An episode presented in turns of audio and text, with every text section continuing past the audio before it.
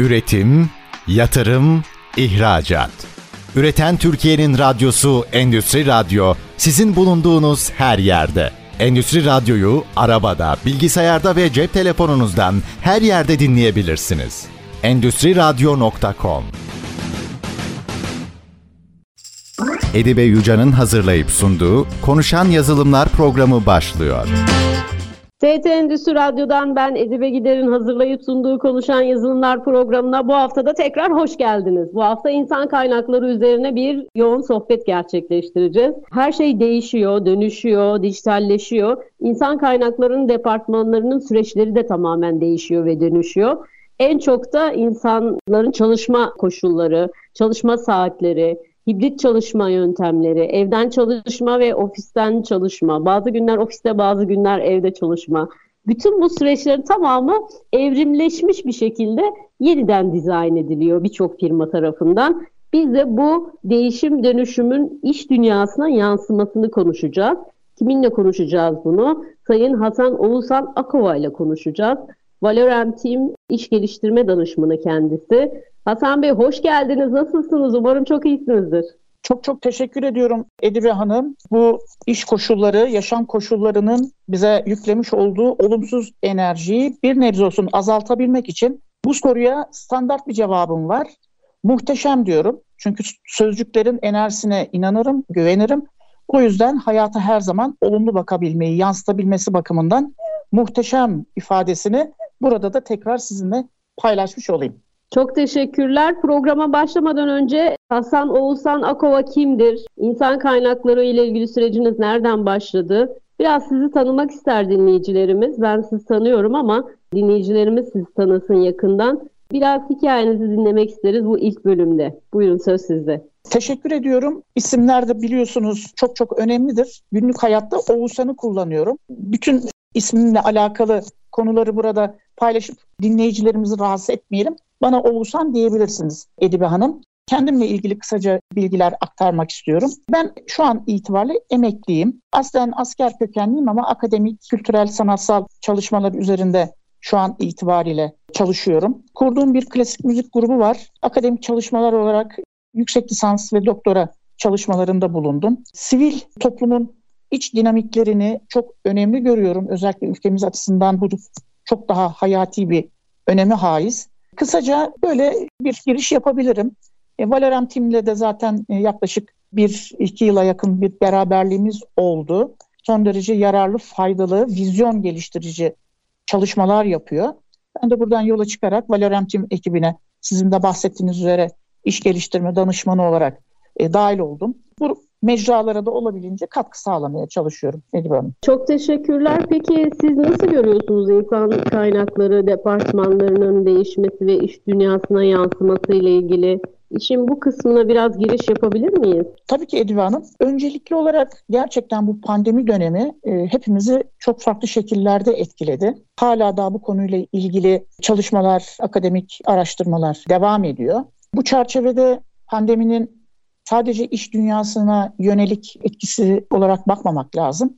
Hayatımızın bütün kesimlerini, bütün aşamalarını özel hayatımız dahil, sosyal yaşantımız dahil etkiledi ve küresel anlamda etkiledi. Yani bir bölgeye ya da bir ülkeye ya da bir kıtaya ait bir problem değildi bu. Herkesi çok farklı şekillerde e, etkiledi. Dolayısıyla e, bu konularla ilgili iş dünyası şunun farkına vardı çalışma dediğimiz olan konu insanla kurmuş olduğu ilişki çerçevesinde zamana ve mekana teknolojinin de bize sağlamış olduğu imkanlarla zamana ve mekana bağlı kalmaksızın bulundukları ortamlardan aktif bir şekilde devam edilebileceği konusunda bize bir fikir verdi. Tabii ki bunun gerçek anlamda iş ortamının, iş kültürünün bütün e, gereklerini sağladığını söyleyemeyiz. Şu aşamada söyleyemeyiz. Ama bir farkındalık oluştu ve bu çerçevede kurumlar, kuruluşlar kendilerini organizasyon tasarım süreçleri çerçevesinde yeniden masaya yatırdılar. Bu kadar ofis tutmaya, bu kadar harcama yapmaya, bu kadar maliyetlere gerek var mı sorularını sordular. E, görüldü ki insanlar bulundukları ortamlardan da en azından minimum ön koşulları sağlayabiliyorlar. En azından bizim şu an itibariyle genel fikrimiz bu doğrultuda. Bu konularla ilgili Dünya Ekonomik Forumu'nun da bu anlamda yapmış olduğu insan gücü değerlendirmeleri ve öngörüleri var. Sanıyorum bu sorunun cevabını önümüzdeki şekillenecek olan yeni çalışma ortamları ve bu çalışma ortamlarının ihtiyaç duyduğu insan profili çerçevesinde birlikte ele almak daha faydalı olacaktır.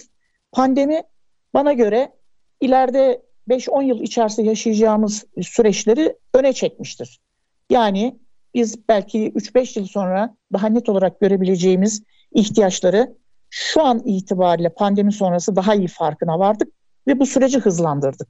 Nitelikte bir değişiklik olmadı. Yaşayacağımız olaylar belki yine bizi bu noktaya götürecekti. Ama zaman olarak biraz daha öne çekmiş olduk. Ee, kısaca böyle bir e, giriş yapabilirim e, Edip Hanım. Evet, gerçekten de çok fazla değişim ve dönüşüm yaşanıyor. Özellikle insan kaynaklarının işleyiş süreçleriyle ilgili. Peki bu alanlarda ne tür yazılımlar geliştirildi? Siz bu yazılımlardan biraz bahsedebilir misiniz? Yani insan kaynaklarının dijitalleşme süreciyle ilgili bize biraz bilgi verebilirseniz seviniriz.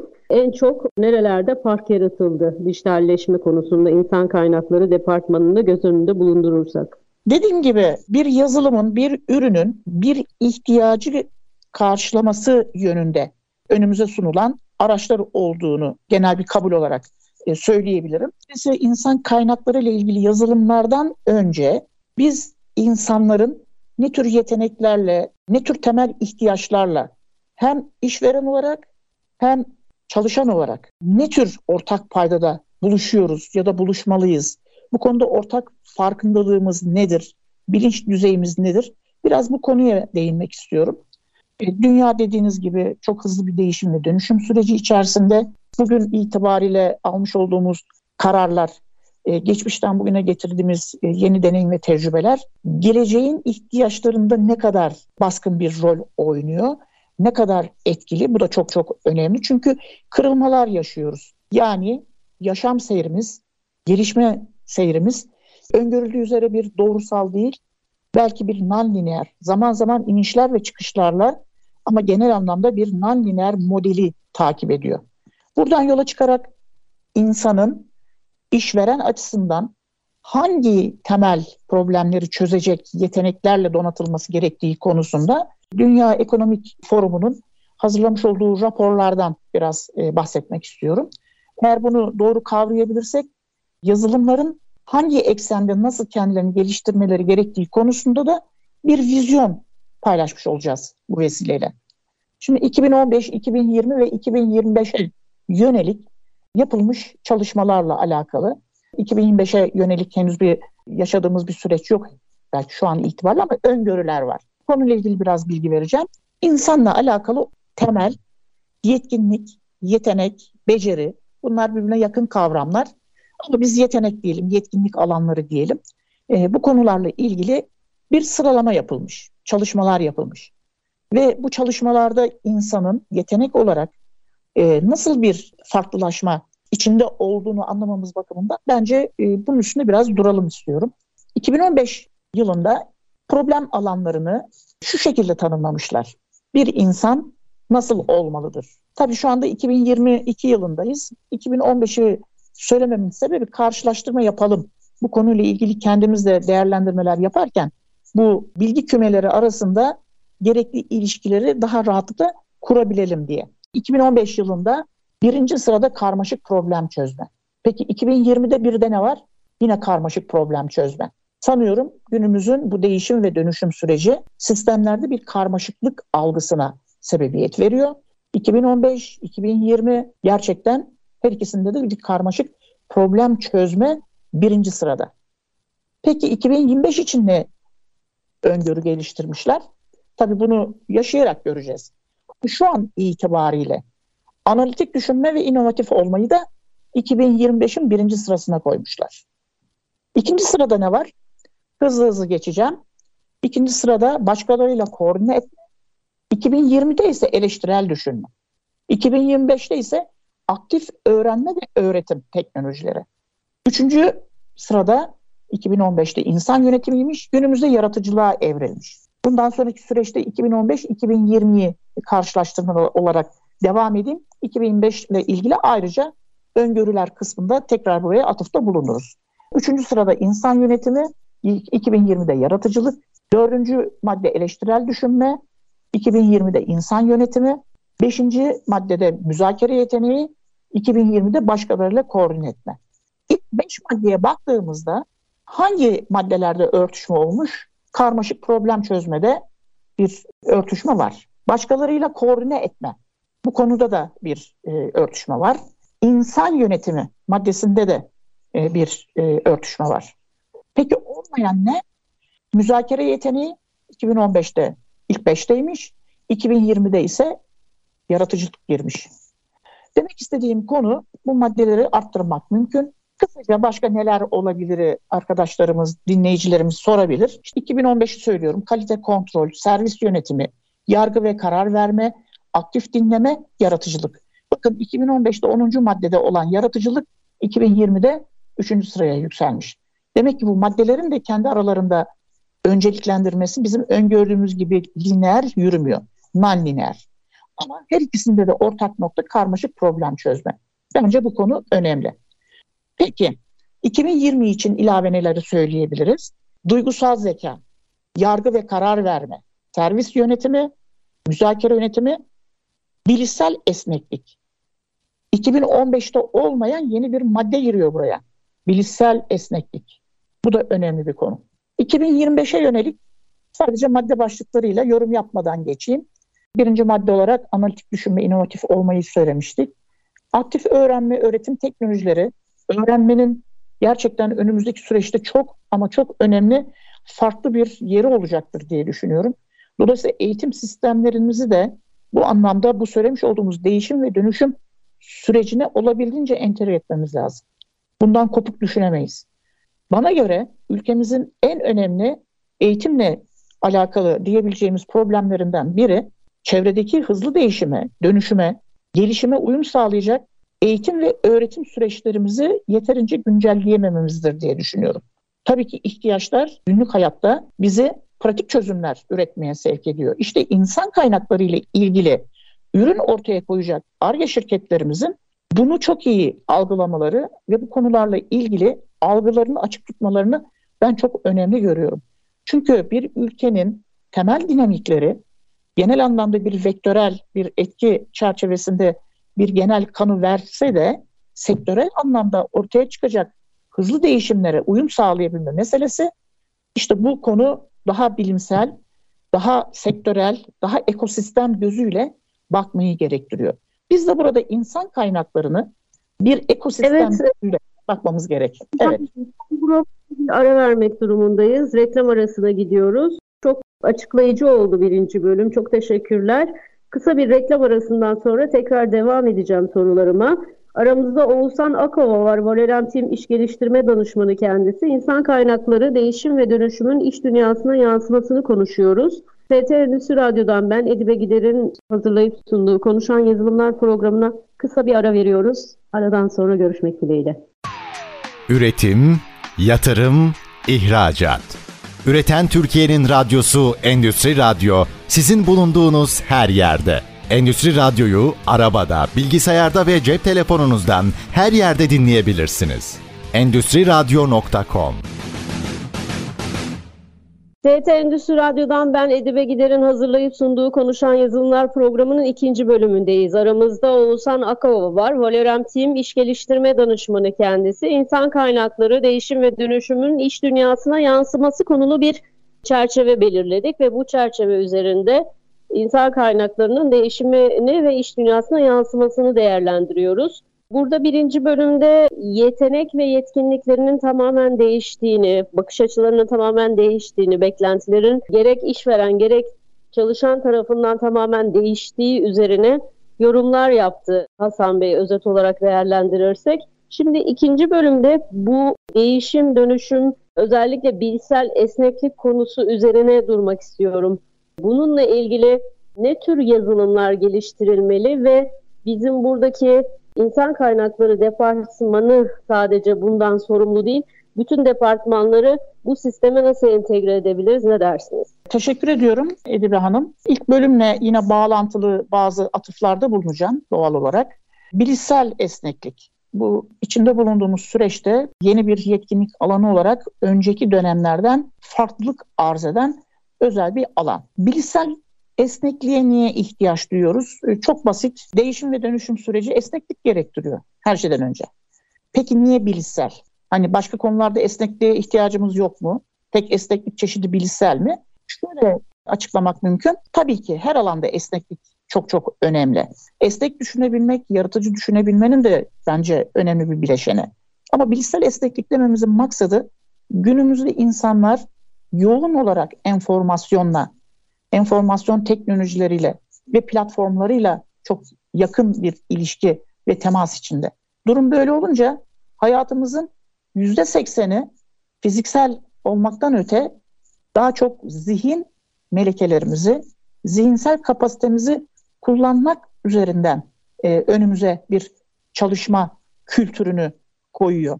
Dolayısıyla durum böyle olunca bilişsel esneklik de burada daha ön plana çıkıyor. Diğerlerinin olmadığı anlamına değil içinde bulunduğumuz koşulların bize bu anlamda bir nevi dayatması mı diyelim, bir nevi bu anlamda bizi zorlaması diyelim. Bu daha doğru bir ifade, bizi zorlaması diyelim. Şimdi bu çerçevede bilişsel esneklikle alakalı olarak e, bir defa yazılım geliştiren şirketler özellikle insanın zihin yeteneklerini, bilişsel yeteneklerini geliştirmeye yönelik çok özel uygulamalar yapıyorlar. Özellikle iş alım süreçlerinde. Burada tabii bir sürü internetten, Google'dan e, ya da değişik kaynaklardan arama yapıldığında bir sürü marka isim e, zikredilebilir. Ama şu anda bizim işimiz değil. Biz şu anda hangi fonksiyonlar, hangi işlevler, hangi ihtiyaçlar ön plana çıkıyor bunları konuşacağız. Örneğin bir yazılım geliştiren insan kaynakları şirketi hangi insan kaynakları problemlerine cevap aramalı? Önce bunları bir kategorize edelim. Daha sonraki süreçte daha iyi e, kendimizi ifade ederiz diye düşünüyorum. Örneğin bir işe alım süreci var. İşe alım sürecinde bilişsel esneklik ne anlama geliyor? Önemli, çok önemli. Başka hangi konularda şirketlerin ihtiyaçları var? İş takibi var, bordro var, o kişinin insan kaynaklarıyla alakalı özlük haklarının takibi var, bordro var, e-imza var. Yani bunların hepsini insan kaynaklarıyla birlikte e, el almak e, mümkün. Peki bir insan kaynakları yazılımı sadece ve sadece o şirketle mi sınırlı? Hayır. Daha başka programlarla da entegre çalışabilmeli. Daha başka programlarla da uyum sağlayabilmeli. Dolayısıyla artık bir yazılım geliştirildiğinde bir ekosistemin temel ihtiyaçlarına cevap verecek uygunluğu, burada tabii devletin ilgili yasa koyucunun da öngörmüş olduğu bir takım standartlar olabilir. Örneğin bir İngiltere'deki, bir Almanya'daki insan kaynakları yazılımının bütün modüllerini bu ülkede kullanamayız. Çünkü iş yasaları farklı, çalışma koşulları farklı. Ama temel insan kaynaklarıyla ilgili fonksiyonları şöyle tanımlamak mümkün.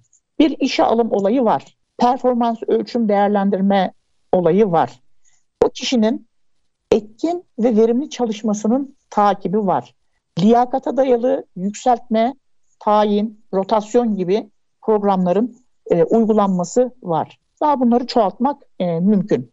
Ama dediğim gibi alacağımız insanın ne tür özelliklerde olması gerektiği, daha sonra bu kişinin kurum içerisinde etkinliğinin ve verimliliğinin arttırılması, daha sonra da gelişmesine bağlı kalarak bağlı bulunduğu şirkete azami derecede fayda sağlayacak uygun pozisyonlara atanması meselesi işte insan kaynaklarının bana göre temel fonksiyonları. İşte yazılım geliştiren, bu konuda çalışan, insan kaynakları ile ilgili özellikle ürün ortaya koymaya çalışan şirketlerde bu ihtiyaçları gidermeye yönelik bir anlayışla bu işleri yapmaya çalışıyorlar. Bir defa ihtiyaçların tanımı ve önceliklendirmesi birinci stratejik özellik. Hani çok iyi yazılım geliştirebilirsiniz ama ihtiyacı gidermez. O ürün elinizde kalır. Öyleyse dünyada bu değişim ve dönüşüm trendlerini, eğilimlerini çok iyi ama çok iyi kavramak ve algılamak gerekiyor. Hem işveren hem işverenin ihtiyaçlarına yönelik yazılım geliştiren şirketler hem de doğal olarak çalışmayı düşünen e, iş görenler bu temel dinamikten etkileniyorlar. Peki başka neler söyleyebiliriz? Başka e, yazılımların tabii ki şirketlerin büyüklüklerine göre ne kadarlık bir insan gücünü kendi içinde e, değerlendirebileceği yani sayıya bağlı mı değil mi bunlar da son derece e, önemli. E, çok hızlı bir şekilde insanların kendi aralarındaki iletişim ve etkileşim imkanlarının yerel ağlarla, çevrim içi etkileşim imkanlarıyla desteklenmesi de bu söylemiş olduğumuz e, süreçleri destekliyor. Bir de bulut tabanlı yazılımlar da günümüzde çok çok arttı. Dediğimiz gibi bir ekosistem sadece sosyal anlamda değil, bilişim sistemleri de bir ekosistem olarak yapılanıyor. Ve sahip olduğumuz bilişim altyapısını bu anlamda daha etkin verimli kullanabilmek adına bulut tabanlı sistemler önümüze geliyor. Bütün söylemiş olduğumuz konular doğal olarak bir şirketin ihtiyaçlarını nasıl önceliklendirdiği ile alakalı. Ama stratejik anlamda en önemli konu bir insanın bir kuruma alınma sürecidir diye düşünüyorum. Çünkü bu konu işin temel ham maddesidir. Bu ham madde işinize yaramayacaksa bunu en başta tespit etmek şirketin de çalışanın da yararınadır diye düşünüyorum. Bir de tabii insanı alıyoruz. Bu insanı süreçte tutmak var.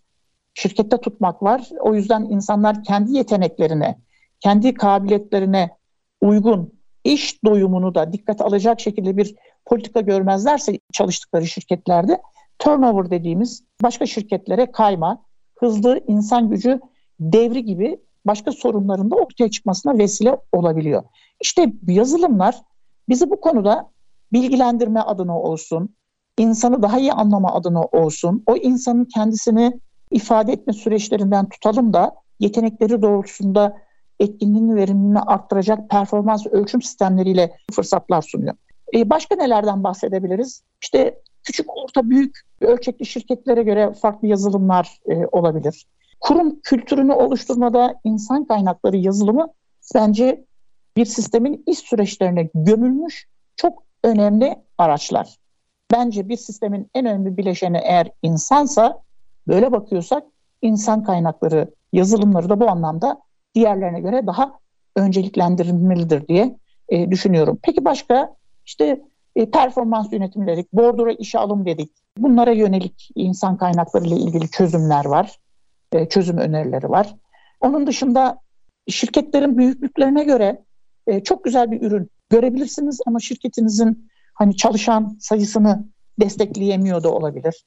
Bütün bunların hepsi bir bütünde e, şirketlerin insan kaynakları ile ilgili verecekleri seçimlerde, e, yazılımların seçimlerinde daha doğrusu e, bizim önümüze bir takım parametreler, bir takım sorular sormamıza vesile olacak bir e, sorun kümesini önümüze sunuyor. Onun dışında özellikle şirketlerin insan kaynakları anlamında e, pandemiyle birlikte benim fark ettiğim bir özel durumu da burada belirtmek istiyorum. Şirketler kültür olarak artık proje odaklı çalışıyorlar. Bu pandemi döneminde de gördük ki birçok şirket iş yerini geleneksel anlamda kapattı. Herkes evlerine gitti. İşte zaman zaman belki bir araya gelmek suretiyle hibrit çalışma e, ortamları sağlandı. Proje yönetimi.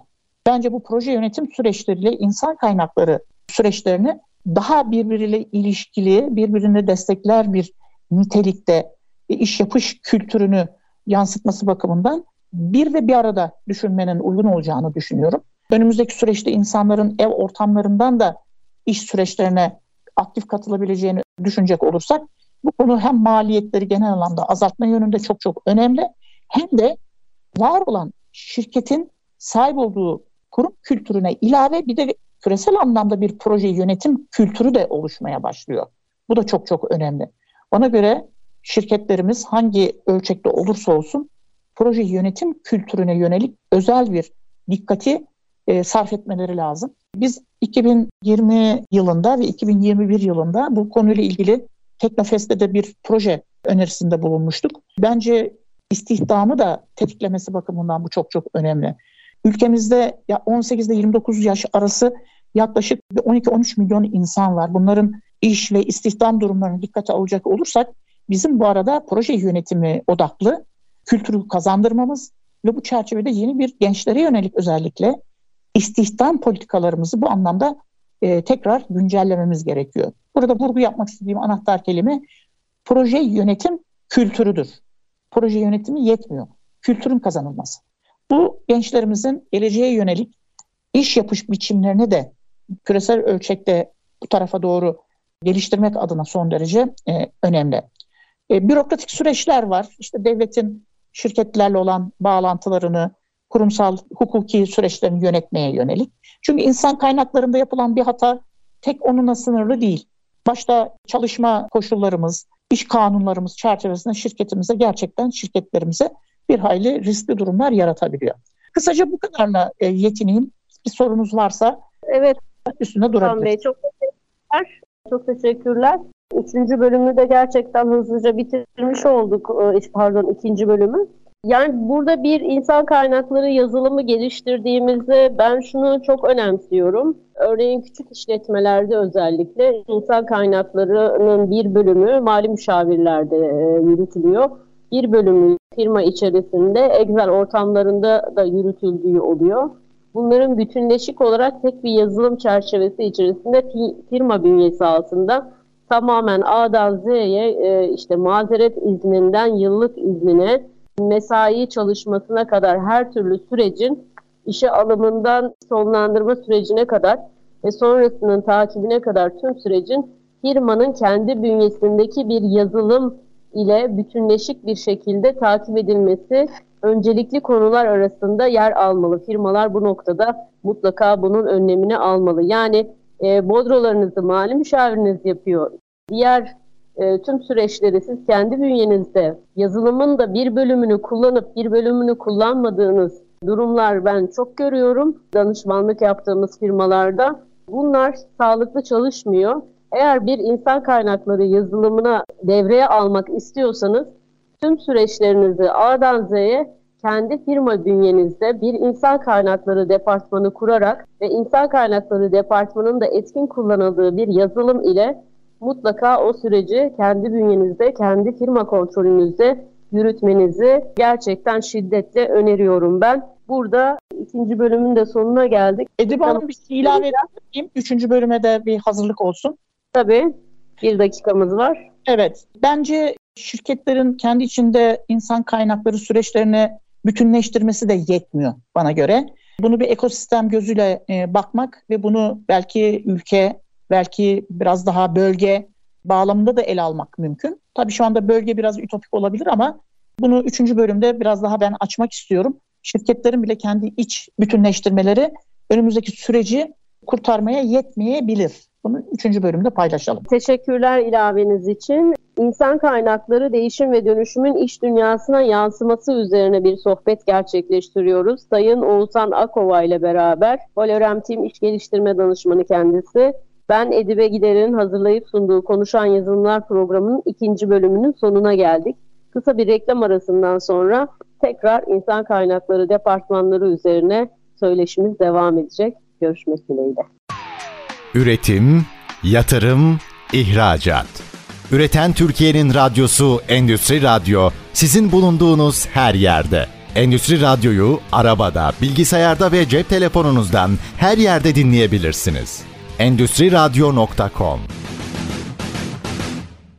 TRT Endüstri Radyo'dan ben Edibe Gider'in hazırlayıp sunduğu Konuşan Yazılımlar programının 3. bölümündeyiz. 3. bölümünde ne konuşuyoruz biz? Sayın Oğuzhan Akova, Valorem Team İş Geliştirme Danışmanı kendisi. İnsan kaynaklarında değişim ve dönüşümün iş dünyasına yansıması üzerine bir sohbet gerçekleştiriyoruz. Birinci ve ikinci bölümlerde de daha çok insan kaynakları departmanlarının paradigmaları üzerine görüşler bildirdi Sayın Oğuzhan Akova. Ve İkinci bölümünde de bunların yazılım çerçevesinde bütünleşik olarak mutlaka takip edilmesi ve firma kontrolünde olması üzerine ben konu kapanışı yapmıştım. Şimdi buradan Oğuzhan Bey siz bir ilave ile devam edebilirsiniz. Bu bile yetmeyebilir diyorsunuz ama şu an küçük işletmelerde bazı işletmelerde insan kaynakları departmanı yok. Bu departmanları muhasebe departmanları, muhasebe müdürleri ya da muhasebe elemanları yürütüyor ya da mali müşavirler yürütüyor. Ben mali müşavir olduğum için oradan biliyorum. Yani insan kaynakları departmanı acil bir konu, iş alım süreçleri acil bir konu, işe alınmadan önceki süreçler hazırlık süreci çok önemli takip edilmesi gereken bir konu ve etkin takip edilmediği konusunda çok fazla geri bildirimler alıyorum ben. E, bir iş başvurusu yapıyorsunuz ama aylarca onun geri dönüşü olmuyor. Çünkü o departmana zaman ayıracak, iş görüşmelerine çağrı yapacak, davet edecek personel bile şirketlerde olunmuyor. Şirket ilanını veriyor ama o süreci takip edecek ekip ne yazık ki sağlıklı ilerleyemiyor. Yani işe alım süreci bile sağlıklı ilerleyemiyor. Ve iş ilanı vermek sadece yetmiyor. Gelen başvuruları da sağlıklı bir şekilde geri dönüş sağlanması da çok kıymetli. Burada da çok fazla eksiklerimiz olduğunu görüyorum.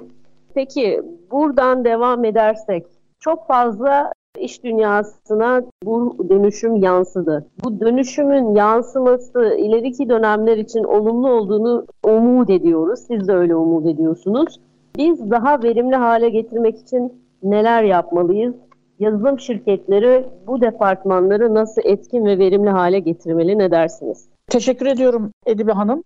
Gerçekten tespitlerimiz, bugüne ilişkin kavrayışlarımız bence çok çok önemli. Bu anlamda şirketlerimiz, kobilerimiz nereden başlamalı, nasıl yapmalı? Bu da çok önemli bir soru. Bir defa ana trendi dünyanın nereye gittiğiyle alakalı genel gidişatı çok iyi okumak gerekiyor. Bu çok önemli. Önce olayın bir doğasını kavramamız lazım öncelikli olarak. Hemen aksiyon planlarını geliştirmek değil. Önce bir problemi tanımlayalım. Problemi bir kavrayalım. Yeni iş sahaları açılıyor. Eski meslekler önemini yitiriyor. Bütün bunları dünyanın genel bir artık ufak bir köymüş gibi değerlendirilen algılama ve kavrayış biçimi üzerinden de okumamız lazım. Ve mikro ölçekte ortaya konan çözümler, firmaların kendi başına geliştirdikleri çözümler de dediğim gibi önümüzdeki süreçte yetmeyecek. Ama dediğiniz gibi bazı kobilerimizin, şirketlerimizin daha insan kaynakları bölümü yok. Hani böyle bir ihtiyacı işte mali müşavirlerle, işte muhasebecilerle idare ederiz diye düşünmüş olabilirler. Ama son derece eksik ve yanlış bir yaklaşım. Bir defa nereden başlamalı? Bir işi düzelteceksek işe kendimizden başlamamız gerekiyor. Kobilerimizin, iş dünyasında çalışanlarımızın, ister müdür olsun, ister orta düzey yönetici olsun, ister CEO olsun, ister ne bileyim masa başında çalışan bir memur olsun fark etmiyor. Kendilerini geliştirecekleri, geliştirebilecekleri ve geliştirmek zorunda oldukları bir anlayışı bu konuda bir önceliği özellikle ama özellikle iş kültürlerinin bir parçası kılmaları lazım. Bu olmadan altı delik sepete benziyor. Üstten ne koyduğumuzun hiçbir anlamı yok. Yapmakta olduğumuz işlerin netice vermesini istiyorsak öncelikle işe enerji yalıtımıyla başlamalıyız. Enerji yalıtımından kastım nedir? Biz kaynaklarımızı doğru kullanma konusunda ne kadar bilinçliyiz? Almak değil, tutup işleyip katma değer olarak tekrar sisteme geri vermekten bahsediyorum. Kara delik gibi olmak değil, enerjiyi alıp, tutup, işleyip bunu tekrar faydalı bir şekilde sisteme geri yansıtmaktan bahsediyorum.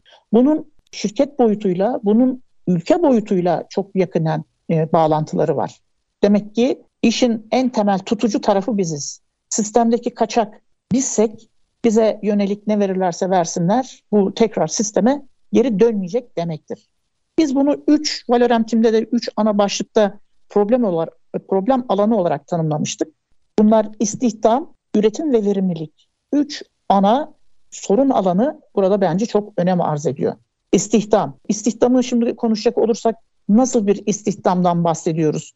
İnsanların yeteneklerini keşfetmek, iş alım süreçlerini liyakata, adalete uygun bir şekilde gerçekleştirmek. Sonra bu insanı alıp enerji gibi düşünelim. Enerji yalıtımı sistem içinde tutalım. Bu bir enerji kaçmasın. Dolayısıyla bunu burada tutabilmenin de koşullarını, onu mutlu edebilmenin koşullarını da bu vesileyle dikkate alalım. Dolayısıyla birbirinden kopuk olmayan bir dizi burada farklı dinamikler var. Ama bu dinamiklerin bütününü kavrayabilmek ve aralarındaki ilişki sistematiğini e, bence anlayabilmek çok önemli. E, bunu anlayabilmek için ne gerekiyor? Çalışanların, iş görenlerin, işverenlerin kendilerini geliştirmeleri gerekiyor, anlamaları gerekiyor, kavrayabilmeleri gerekiyor. Kendisi yatırım yapmayan bir şirketin günü kurtararak süreci yönetebilmelerini beklemeyelim. İki gün sonra, üç gün sonra bir gün duvara toslayacak demektir. İşte bu programda da biz en azından COBİ'lerimizin, bu programı dinleyen şirketlerimizin çalışanlarına bu konuda bir ufak hatırlatmalarda e, bulunmak maksadıyla e, bu programı yapıyoruz zaten. Dolayısıyla her problemi belki çözemeyiz ama öncelikle birinci yapılması lazım gelen iş problemin çözümünden önce problemin doğru kavranması, anlaşılması, doğasının hissedilmesidir. Problemin doğası. Dolayısıyla işe buradan başlamalıyız diye düşünüyorum. Ama konu tabii çok derin bir konu. Programı dağıtmamak bakımından, konuşmayı, sohbeti dağıtmamak bakımından biz şimdi bunun halledilmiş olduğunu varsayalım. Şirketlerimizin neler yapması gerektiğiyle ilgili bir vizyonu ortaya koyalım. Dediğim gibi şirketlerin mikro bazda kendi problemlerini çözmeleri iyi bir şeydir ama yeterli değildir dedim. Neden? Çünkü dünyada da yeni meslek alanları ortaya çıkıyor. Dünyayı görmeden, dünyayı bir ekosistem mantığıyla çözümlemeden ortaya koymuş olduğumuz çözümler havada kalacaktır mutlaka. Siz ihtiyaç duyduğunuz insan özelliğine ait iş duyurularını yaptığınızda bakacaksınız ki kimse buna başvurmuyor. Çünkü dünyada artık o meslek grubuna olan ilgi alaka azaldı. Hiç kimse kendi geleceğini orada görmüyor. Mesela bu çok önemli bir konu. Mükemmel alanında yetişmiş insanların da kendi alanlarıyla olayı sınırlamayıp kendilerini de sürekli geliştirip ortaya çıkan yeni iş sahalarına yönelik e, kendilerine yatırım yapmaları lazım. Yani eğitim dediğimiz olan olay hem bireysel hem kurumsal sosyal kapasite programları burada ön plana çıkıyor. Nitekim 2025 yılında ikinci en önemli özellik aktif öğrenme ve öğretim teknolojileri. Karmaşık problem çözme, eleştirel düşünme, yaratıcılık, orijinallik, girişimcilik, liderlik, teknoloji kullanımı, teknoloji tasarımı, dayanıklılık, stres, esneklik, muhakeme ve fikir alışverişi. Mesela fikir alışverişi bir kültürdür. Eğer biz işveren olarak kendi çalışanlarımızın fikrini almazsak, bu konuda onların değerli olduğunu hissetmezsek problem çözüm süreçlerine onları dahil edemeyiz. Bu söylemiş olduğumuz hızlı değişim ve dönüşüm süreci mesleklerde, bu mesleklerin önceliklendirilmesinde de çok belirleyici oluyor. Dolayısıyla işe kendimizden başlayacağız. İki, artık problemleri mikro bazda çözmenin de ötesine geçecek şekilde. Ama şu soruyu sorabilirsiniz. Daha mikro bazda problemler çözülmemişken biz daha bunun ötesine nasıl geçebiliriz? Bu çok önemli bir konu. Bu konuyla ilgili eğitim bilimciler, bu konuyla ilgili sosyal bilimciler şunu söylüyor. İnsanın en önemli özelliği öğrenme yeteneği. İşte bu, bu var olan aradaki uçurumu, gepi öğrenme süreçleriyle, geliştirdiğimiz eğitim metotlarıyla, yöntemlerle kapayabiliriz. Yani bugün bilgi çağındayız ama bilgi çağına ulaşabilmek için bugün Afrika'daki bir köyün, gelişmemiş bir köyün, ilkel bir kabilenin belki tutup da tekrar endüstri devrimini yaşaması gerekmiyor. Bu çağın gereklerine uyum sağlayabilecek yeni metotlar, yaklaşımlar, yeni paradigmalar ve yeni kavrayış zeminleri bu insan dediğimiz varlığı non-lineer bir şekilde belki atlamalı bir şekilde, sıçramalı bir şekilde günümüz ortamına taşımamıza vesile olabiliyor. Dolayısıyla bu eksikliklerini hisseden şirketlerimiz kesinlikle bir karamsarlığa kapılmasınlar. Bunların yolları, yöntemleri var. Yeter ki bu konuda kararlı olsunlar, iyi niyetli olsunlar, kendilerini geliştirme adına bir e, çabayı ortaya koysunlar. Bu bileşik kaplar misali hepimiz birbirimizden bir şeyler istesek de istemesek de öğreniyoruz. Ama bu öğrenme süreçlerinin fayda sağlayacak şekilde iş süreçlerine taşınması meselesi de işte yönetim kadrolarının öngörüleriyle, liderlik yetenekleriyle ve bu değişim ve dönüşüm sürecini nasıl yönetebildikleriyle alakalı bir konu. Dolayısıyla diyorum ki ekosistemin öngörüleriyle hareket etmemiz gerekiyor ve bu çerçevede mikro bazdaki yaklaşımlar yeterli değil. Daha ötesine geçebilmemiz için problemin doğasını kavramak. Birinci önceliğimiz olmalı. Önümüzdeki sürece yönelik öngörülerinde farkında olarak kendimizi geliştirmeliyiz diye düşünüyorum. İnsan kaynakları süreçleri de bence bunların bütününü kendi içinde toparlama, bunları bir bütün içerisinde ele alma ve şirketimizin, sistemimizin, organizasyonumuzun daha etkin verimli çalışmasına vesile olacak bir yönlendirici, bir öncü alandır diye tanımlıyorum Edip Hanım. Evet Oğuzhan Bey, teşekkürler bilgilendirmeler için. Doğru noktalara e, parmak bastınız gerçekten de. Bir yazılım geliştirmek tamamen yetmiyor. O yazılımı kullanan kullanıcıların da bu işe gerçekten de uyum sağlaması çok değerli. Eğer bir insan kaynakları departmanı kurulacaksa bununla ilgili tüm süreçleri hızlı bir şekilde ele alıp program kurulup ve bütün ekibinde buna uyumlu bir şekilde hareket ediyor olması lazım. Bu bakış açıyla hareket ediyor olması lazım. Burada yöneticilerin ve liderlerin gerçekten de e, karar vericilerin özellikle çok önemli bir rolü var. Bir lider yaklaşımıyla hareket edilmesi, birlikte bu süreçlerin tamamlanması, birlikte yol alınması, uyum içinde davranılması her şeyi mutlaka kolaylaştırıyor. Ben bunu görüyorum. Dolayısıyla firmaların buna karar verip bu insan kaynakları yazılımlarıyla ilgili süreçlerini hızlıca başlatması ve bu konuda gerek eğitim gerekiyorsa eğitim, danışmanlık gerekiyorsa da danışmanlık alınmasında fayda görüyoruz. Ve bu danışmanlık, mentörlük ya da eğitim alındıktan sonra süreçler çok daha hızlı, çok daha pratik ilerlenebiliyor. Buradaki değişim, dönüşüm çok daha hızlı olabiliyor. İnsanların çalışma saatleri tamamen birçok firmada değişmiş durumda ve daha esnek hale geliyor. Daha önce 9-6 çalışılan bir sistemden bahsedilirken çok statikocu, çok e, keskin saatleri olan hatta öğlen sadece bir saat yemek molası olan firmalarda çalışmış biri olarak yeni dönem süreçleri çok daha esnek. Bazı günler e, hibrit çalışan firmalar var. Haftanın üç günü çalışma, iki günü evde devam etme gibi. Bunlar da iş dünyasına yansıyan değişim dönüşümler aslında bahsetmek gerekirse. Sadece bakış açıları, yaklaşımlar, paradigmalar değişmedi. İş dünyasındaki çalışma koşulları da tamamen değişti ve bu işveren tarafından da kabule gelindi. Yani bir pandemi yaşamamış olsaydık işveren böyle bir kabule geçme noktasında çok da zorlanacaktı. Ben bunu çok yakinen gözlemledim. Buna direnen firmalarda e, oldu ve personel kaybı yaşandı. Çok fazla istifalar söz konusu. Büyük istifalar, sessiz istifalar var. İnsan kaynaklarının değişim dönüşüm noktasında bunları da konuşmak gerekiyor. Bu ayrı bir gündem konusu aslında. Bunun üzerine de mutlaka programlar ve yayınlar hazırlayacağım ben sizler için.